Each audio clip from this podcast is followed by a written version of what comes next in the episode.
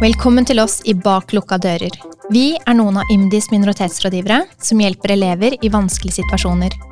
Vi sitter på Østlandet, men det fins minoritetsrådgivere til stede i alle landets fylker. Jeg heter Helene, og med meg i rommet har jeg Hero.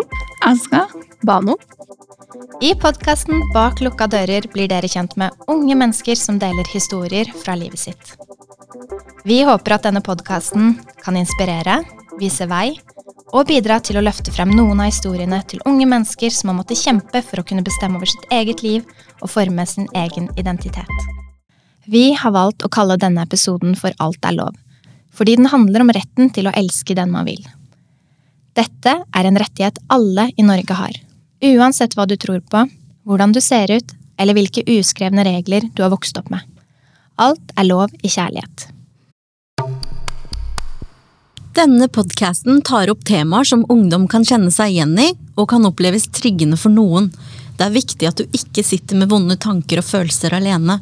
Husk at det er mange du kan ringe eller kontakte om du vil snakke med en voksen. Våre gjester tilhører hvert sitt etniske minoritetsmiljø. Alan har røtter fra Sri Lanka, og Marwa har røtter fra Eritrea. Og fordi de begge er skeive, er de også en minoritet i en minoritet. Vi skal snakke om hvordan det er å komme ut i et miljø som ikke aksepterer deg for den du er, og hva de har måttet ofre på veien til frihet. Trenger det å være sånn, og hva venter på den andre siden av alt det vanskelige de har gått igjennom? Vår andre gjest tilhører et miljø som er lite kjent, men som trenger å synliggjøres. Identiteten hennes er annet sammensatt av at hun er skeiv, melaninrik, kvinne, afrikaner, muslim og født og oppvokst i Norge. I dag skal dere høre hennes personlige historie og refleksjoner rundt hennes frihetskamp ved å være skeiv. Velkommen til oss, Marwa. Tusen takk. Veldig godt å være her. Veldig hyggelig å ha deg med. La oss starte med the basics.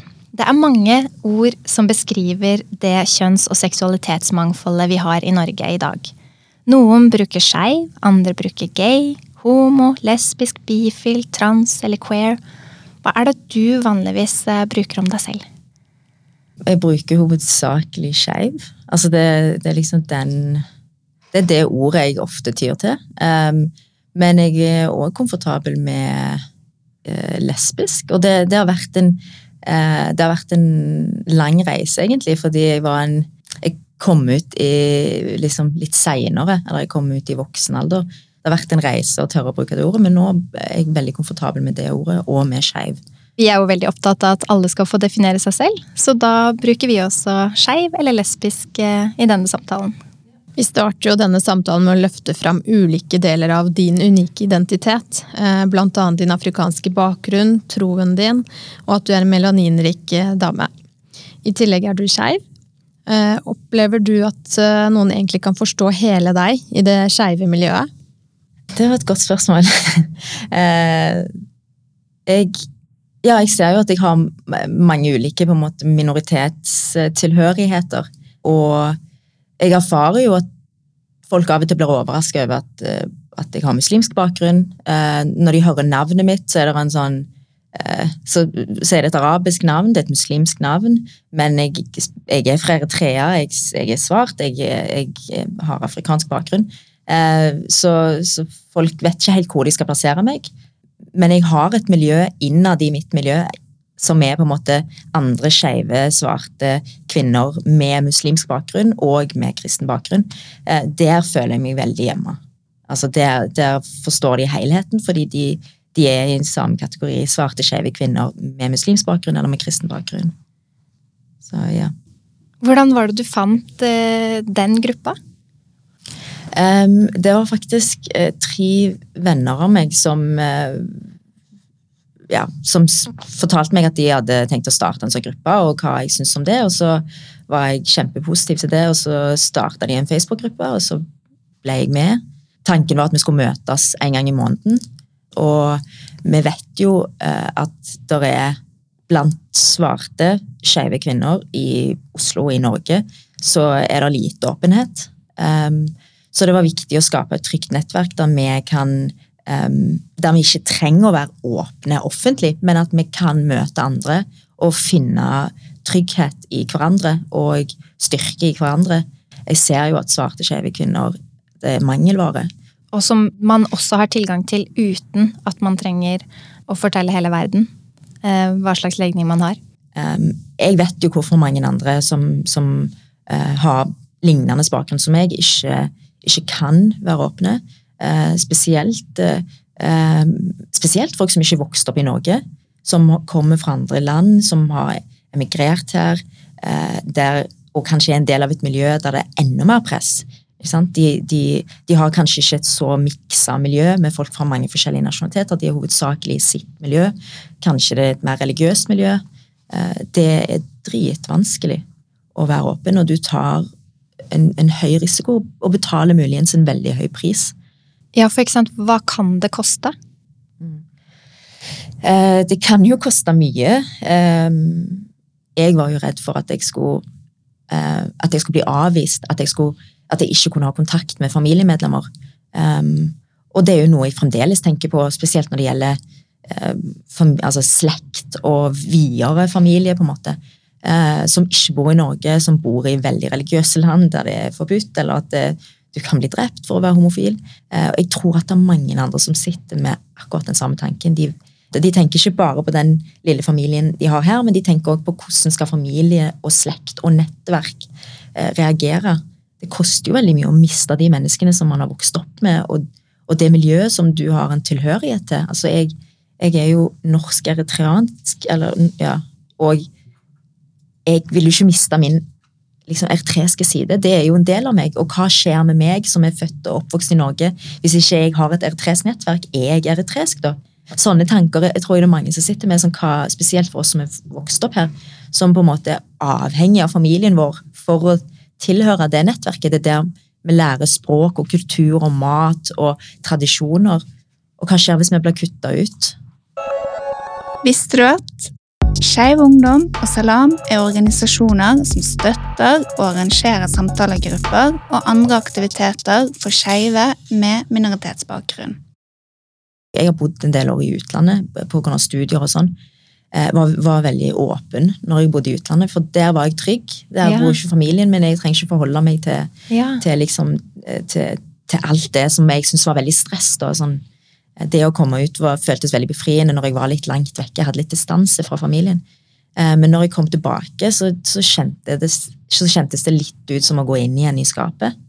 Um, og, og det var liksom det var, det var tungt, men jeg, jeg, trengte jo å komme inn i et skjevt nettverk i Norge for at jeg skulle tørre å på en måte slippe meg litt løs igjen. Og det, og det var det jo Det klarte jeg å gjøre når jeg på en måte flytta fra Stavanger. Jeg, jeg, reiste jo fra Stavanger av at jeg syntes det var vanskelig å være i skapet igjen. Jeg hadde liksom hatt den friheten. Og så gå tilbake igjen i skapet, så var det, det ble litt mye. Så da uh, fant jeg en mulighet for å komme til Oslo, og da hadde jeg den distansen igjen.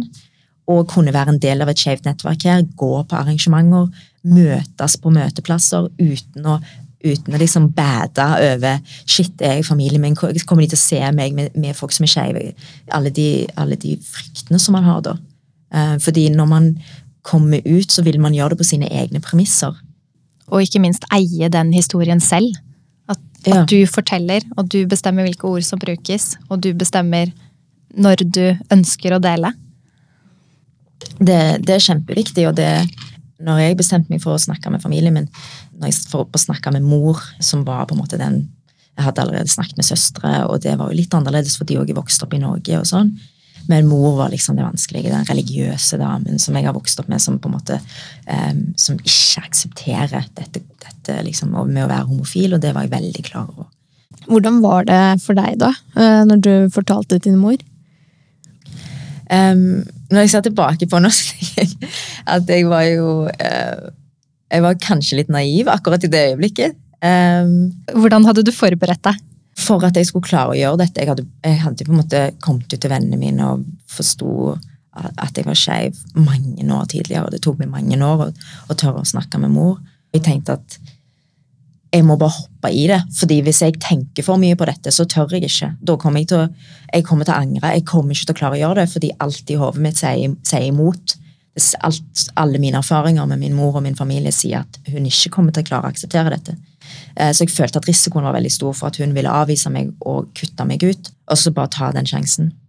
Um, så var, jeg var jo veldig nervøs, og, eh, og tenkte ok, det er et håp, det er et håp. liksom, Kanskje hun reagerer bra. Kanskje hun, kanskje alle de historiene man har hørt om der folk omfavner barnet sitt og sier at de elsker dem, kanskje det kommer til å skje. Det var det jeg liksom Jeg tenkte at kanskje det kan skje. Mm. Grunnen til at jeg sier at jeg var litt naiv, er på grunn av at det, det var jo ikke det som skjedde. Og, og jeg tror at veldig kort tid etter jeg hadde sagt det, så skjønte jeg at det, Oi, liksom. Oi, du har glemt hvor godt du egentlig kjenner denne dama. Jeg kjenner jo hun inn og ut. Eh, jeg er hennes nærmeste person, og det har jeg vært i familien. Alltid, liksom. Jeg er veldig nærme min mor. Og jeg vet hva hun er redd jeg vet hva hun syns er skummelt, jeg vet alle de tingene, og det var den reaksjonen jeg fikk, en sånn utrolig sorg. Og, og det var altså de to mest dramatiske ukene jeg har hatt. Mamma fikk sjokk, og, og jeg var Jeg følte at noen hadde dødd. Jeg, det, altså Hennes Mm. reaksjon i de ukene eh, liksom klarte ikke å snakke og spise og smi, liksom smile. Jeg angra ikke, fordi jeg trengte at det skjedde. Og jeg merka jo at det for, for første gang så gikk jeg på en måte imot noe som jeg var veldig vant til i oppveksten min, og det er at du skal respektere dine foreldre. I hennes reaksjon så fant jeg en styrke i å på en måte si at nei, jeg er ikke enig med deg. Liksom, ja, liksom, akkurat når det gjelder dette, så, så forstår jeg deg ikke. Jeg forstår ikke reaksjonen din, jeg forstår ikke at du behandler meg sånn. Jeg skal ikke gå inn igjen i skapet, så jeg må bare stå i dette og, og være streng. Og la meg sjøl være sint, istedenfor å føle på den skammen og føle at nei, det er jeg som er problemet her, jeg skulle aldri sagt dette, se hva jeg gjør mot familien min. Istedenfor å gå inn i den, så, så var det veldig viktig for meg å på en måte bare være, bare sint og være sånn nei, faktisk, så, dette, dette er ikke gale. Jeg har ikke gjort noe gale. Så, så det, det, var sånn, det var en veldig sånn viktig ting for meg, å få lov å kjenne på det i den, den tida som kom etterpå. Og kanskje i det sinnet du kjente på, så fant du den styrken du trengte for å kunne sette de grensene som var nødvendig for deg. Jeg følte meg berettiget til å være skeiv. Jeg, jeg følte jeg hadde rett til å være skeiv. Eh, og, og at jeg var sint over at noen som, var, som var veldig nær meg, ikke kunne akseptere det. Og det er en, altså det er en vanskelig ting for mange skeive med minoritetsbakgrunn å komme til. på grunn av Man ble jo fortalt at det er så skammelig. liksom. Det er så skammelig, det er det verste du kan gjøre mot foreldrene dine. Og, og mot, spesielt mot din mor, fordi mødre får skylden. Det er de som blir, i, i sånn samfunnsperspektiv, det er de som får skylden for at de, sine barn er blitt sånn. Min kontekst som var liksom en, en mor som har eritreisk bakgrunn, som har muslimsk bakgrunn, som er veldig religiøs, så må man kanskje komme ut mange ganger. Um, fordi selv om de hører begrepet skeiv, så eh, du prøver å forklare det til dem, men det betyr ikke at de nødvendigvis forstår, og det betyr ikke at de nødvendigvis er klar for å på en måte bearbeide det. Så jeg skjønte jo kort etter at oi, ok, dette er, ikke, dette er ikke noe som jeg kommer til å snakke om. Dette er visstnok bare noe vi skal skyve unna. Nå er ordet ute der. Har, jeg har kommet ut. Men nå er det sånn, nest, neste fase er at nå skal vi skyve dette unna sofaen og bare eh, ikke snakke om det. Det er vår neste strategi. Det var så utrolig tungt å komme ut den første gangen. Og nå føler jeg at jeg må komme ut igjen og igjen og igjen. Eh, før det blir anerkjent. Litt sånn som vi snakka om innledningsvis, det der med at det er så viktig at noen forstår hele deg. Fordi, fordi det å være skeiv er jo en viktig del av deg. Ja, ja, det er noe jeg har tenkt mye på. Jeg, eh, det er jo en av, en av de tingene som er vanskelig med å være, være i skapet og ikke være åpen med, med sine nærmeste. Og det er jo at man Altså, skeivhet er en så stor del av identiteten min. Um, og det, og det med å være skeiv òg, og det med liksom å velge hvem en skal elske, å være sammen med og leve sammen med, det å på en måte få seg en kjæreste eh, det, det er vanskeligere når du ikke kan snakke med familien din om den kjæresten. Det, når det er noe som ingen på en måte ser på som en stolthet. Hva sier slekta di hvis du har fått deg en kjæreste? Mor må holde det skjult. Hun kommer liksom aldri til å kunne snakke om stolthet når det gjelder mine forhold, eller når det gjelder mine barn. Og det, og det er jo noe man gir opp, da. Og det, det er vanskelig, fordi man har jo lyst å, at foreldrene dine skal, skal se på deg og se på dine, eh, de tingene som du oppnår med liksom stolthet. Og, og det, Det er klart det. ja, det er vanskelig å på en måte legge det litt fra seg og ikke, og ikke måte bry seg om de tingene. Når jeg snakker med andre som, som på en måte sliter med noen av de samme tingene som jeg gjør, så, så snakker vi ofte om det at det er så viktig at man på en måte at man ikke legger press på folk til å på en måte komme ut, fordi folk må finne ut av de tingene sjøl. Og ingen vet hvilke omstendigheter du har vokst opp i. Ingen vet liksom hvordan din familiesituasjon er. Eh, og ingen vet hvilken risiko du kanskje tar. For noen så er det jo faktisk en, en utrolig risiko. Det kan, det kan være en Du kan bli utsatt for vold.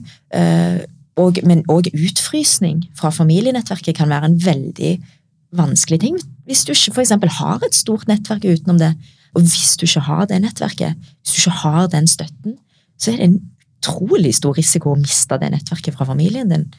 Og, så alle må gjøre de vurderingene sjøl. Hvor er de, og hva, hva kan de stå i, hva kan de tåle? Hvilke vurderinger var det du gjorde før du fortalte det til din mor? For du sa jo at dine søstre visste jo det, men din mor visste det ikke. Hvordan kom du fram til at ok, nå er jeg villig til å ta en risiko? Uh, altså En ting som, var, som er veldig personlig for meg, da, men min på en måte oppvekst og, og min familiesituasjon har vært prega mye av, liksom, av rus og psykisk helse, problematikk, um, blant mine søsken. Men du er jo en ressursperson her. Du, jo, du har en større rolle enn å bare være en søsken. Du eller en søster eller en bror eller whatever. Uh, du skal hjelpe andre, og du skal være der for andre. Og nå setter du deg sjøl foran. Sånn, sånn tenkte jeg da. Jeg ser jo nå at jeg, kan, at jeg kan ha begge deler. Jeg kan være en ressursperson, men jeg må sette grenser. Jeg kan tenke meg at det er mange andre som ser, for eksempel, hvis de ser at foreldrene deres sliter. Eh, sliter økonomisk, sliter psykisk, eh, kanskje sliter med rus eller med andre ting, så er det vanskelig å på en måte da ta et valg om å eh, liksom velge seg sjøl. Ja, At nå skal jeg leve mitt liv, eller nå skal jeg bare fokusere på meg. Ja, og det handler liksom ikke bare om at du skal miste de, det handler også om at de mister jo deg. For mange så er det jo Kan det være en lettelse å komme ut og slippe å gå og bære på den hemmeligheten og, og kunne være åpen. Eh, Litt sånn som du er med oss i dag. Eh, Hvordan er det du har det eh, med deg selv og din skeivhet akkurat i dag? Eh, med min skeivhet i dag, ja. Jeg, jeg ville jo sagt at jeg er på en Um, Altså, jeg er på en mye bedre plass enn det jeg, enn det jeg noen gang har vært. Um, jeg, jeg, jeg, kan ikke sammenligne det engang med liksom hvordan det var i starten. Jeg, har ikke uh, jeg, lever ikke med den samme frykten som jeg, som har levd med i mange år. Og ja, det er vanskelig med relasjonen til mor. Um, men sånn overall så har jeg det mye bedre med meg sjøl, fordi jeg på en måte jeg lar meg sjøl eh, drømme mye større enn det jeg gjorde før. Jeg, jeg ser for meg en framtid. Jeg har en framtid nå. Eh, jeg, jeg, kan, jeg kan tillate meg å liksom bli forelska og ha en partner og ha disse tingene. Eh, og noe som jeg syntes var dritskummelt før. Så jeg, jeg er på en mye bedre plass når det gjelder veldig mange ting. Eh, Litt sånn avslutningsvis så er vi litt interessert i å høre om ditt forhold til pride. Til pride, ja. Det var liksom min sånn inngang til det skeive miljøet. Eh, På grunn av at jeg sto utenfor. Jeg hadde ikke et skeivt nettverk. Eh, Og kjente ikke andre med minoritetsbakgrunn som var skeive. Så, så det var veldig viktig for meg å komme og, og bare se andre skeive. Eh, Det er en liksom stor ting, da, fordi eh, du føler deg så utrolig alene. Så pride var liksom en plass der jeg kunne føle meg som en del av noe, som en del av et fellesskap. Jeg syns det er så viktig med den pride-følelsen at det er folk der ute som fronter det at man kan eh, være stolt, selv om, selv om man vet at samfunnet forteller deg at det er noe skammelig. Eh, og tror, det er det pride handler om for meg. At det, det å på en måte øve seg på å lære seg å finne stolthet i noe som du siden barndommen har blitt fortalt at er skambelagt. Det er noe man trenger å jobbe med gjennom et helt liv for å faktisk kjenne på den stoltheten. Eh, Så pride er kjempe, kjempeviktig for meg. Tror du at du skal gå i toget i år? Hvis eh, korona tillater? Eh, ja, jeg, eh, jeg skal jo det. Det å gå i pride liker jeg jo selvfølgelig. Og det er en utrolig fin fest og samling, så det skal jeg absolutt eh, Så hyggelig å høre, fordi da ses vi jo der. Ja. Vi er så utrolig heldige og takknemlige for at vi har fått lov å sitte her og snakke med deg i dag og få høre litt mer om din historie. Eh, Tusen hjertelig takk for at du kom til oss. Bare hyggelig. Det var veldig, veldig fin samtale. Tusen takk til begge gjester for at dere har turt å dele deres historie med oss, som kan nå ungdom på tvers av landet og normalisere det at alt er love. I Alt er lov har vi møtt Marwa. I mange år fikk hun høre at det er feil å være skeiv, men i dag er hun stolt over det. Og oppfordrer alle til å ha et trygt nettverk rundt seg før de kommer ut.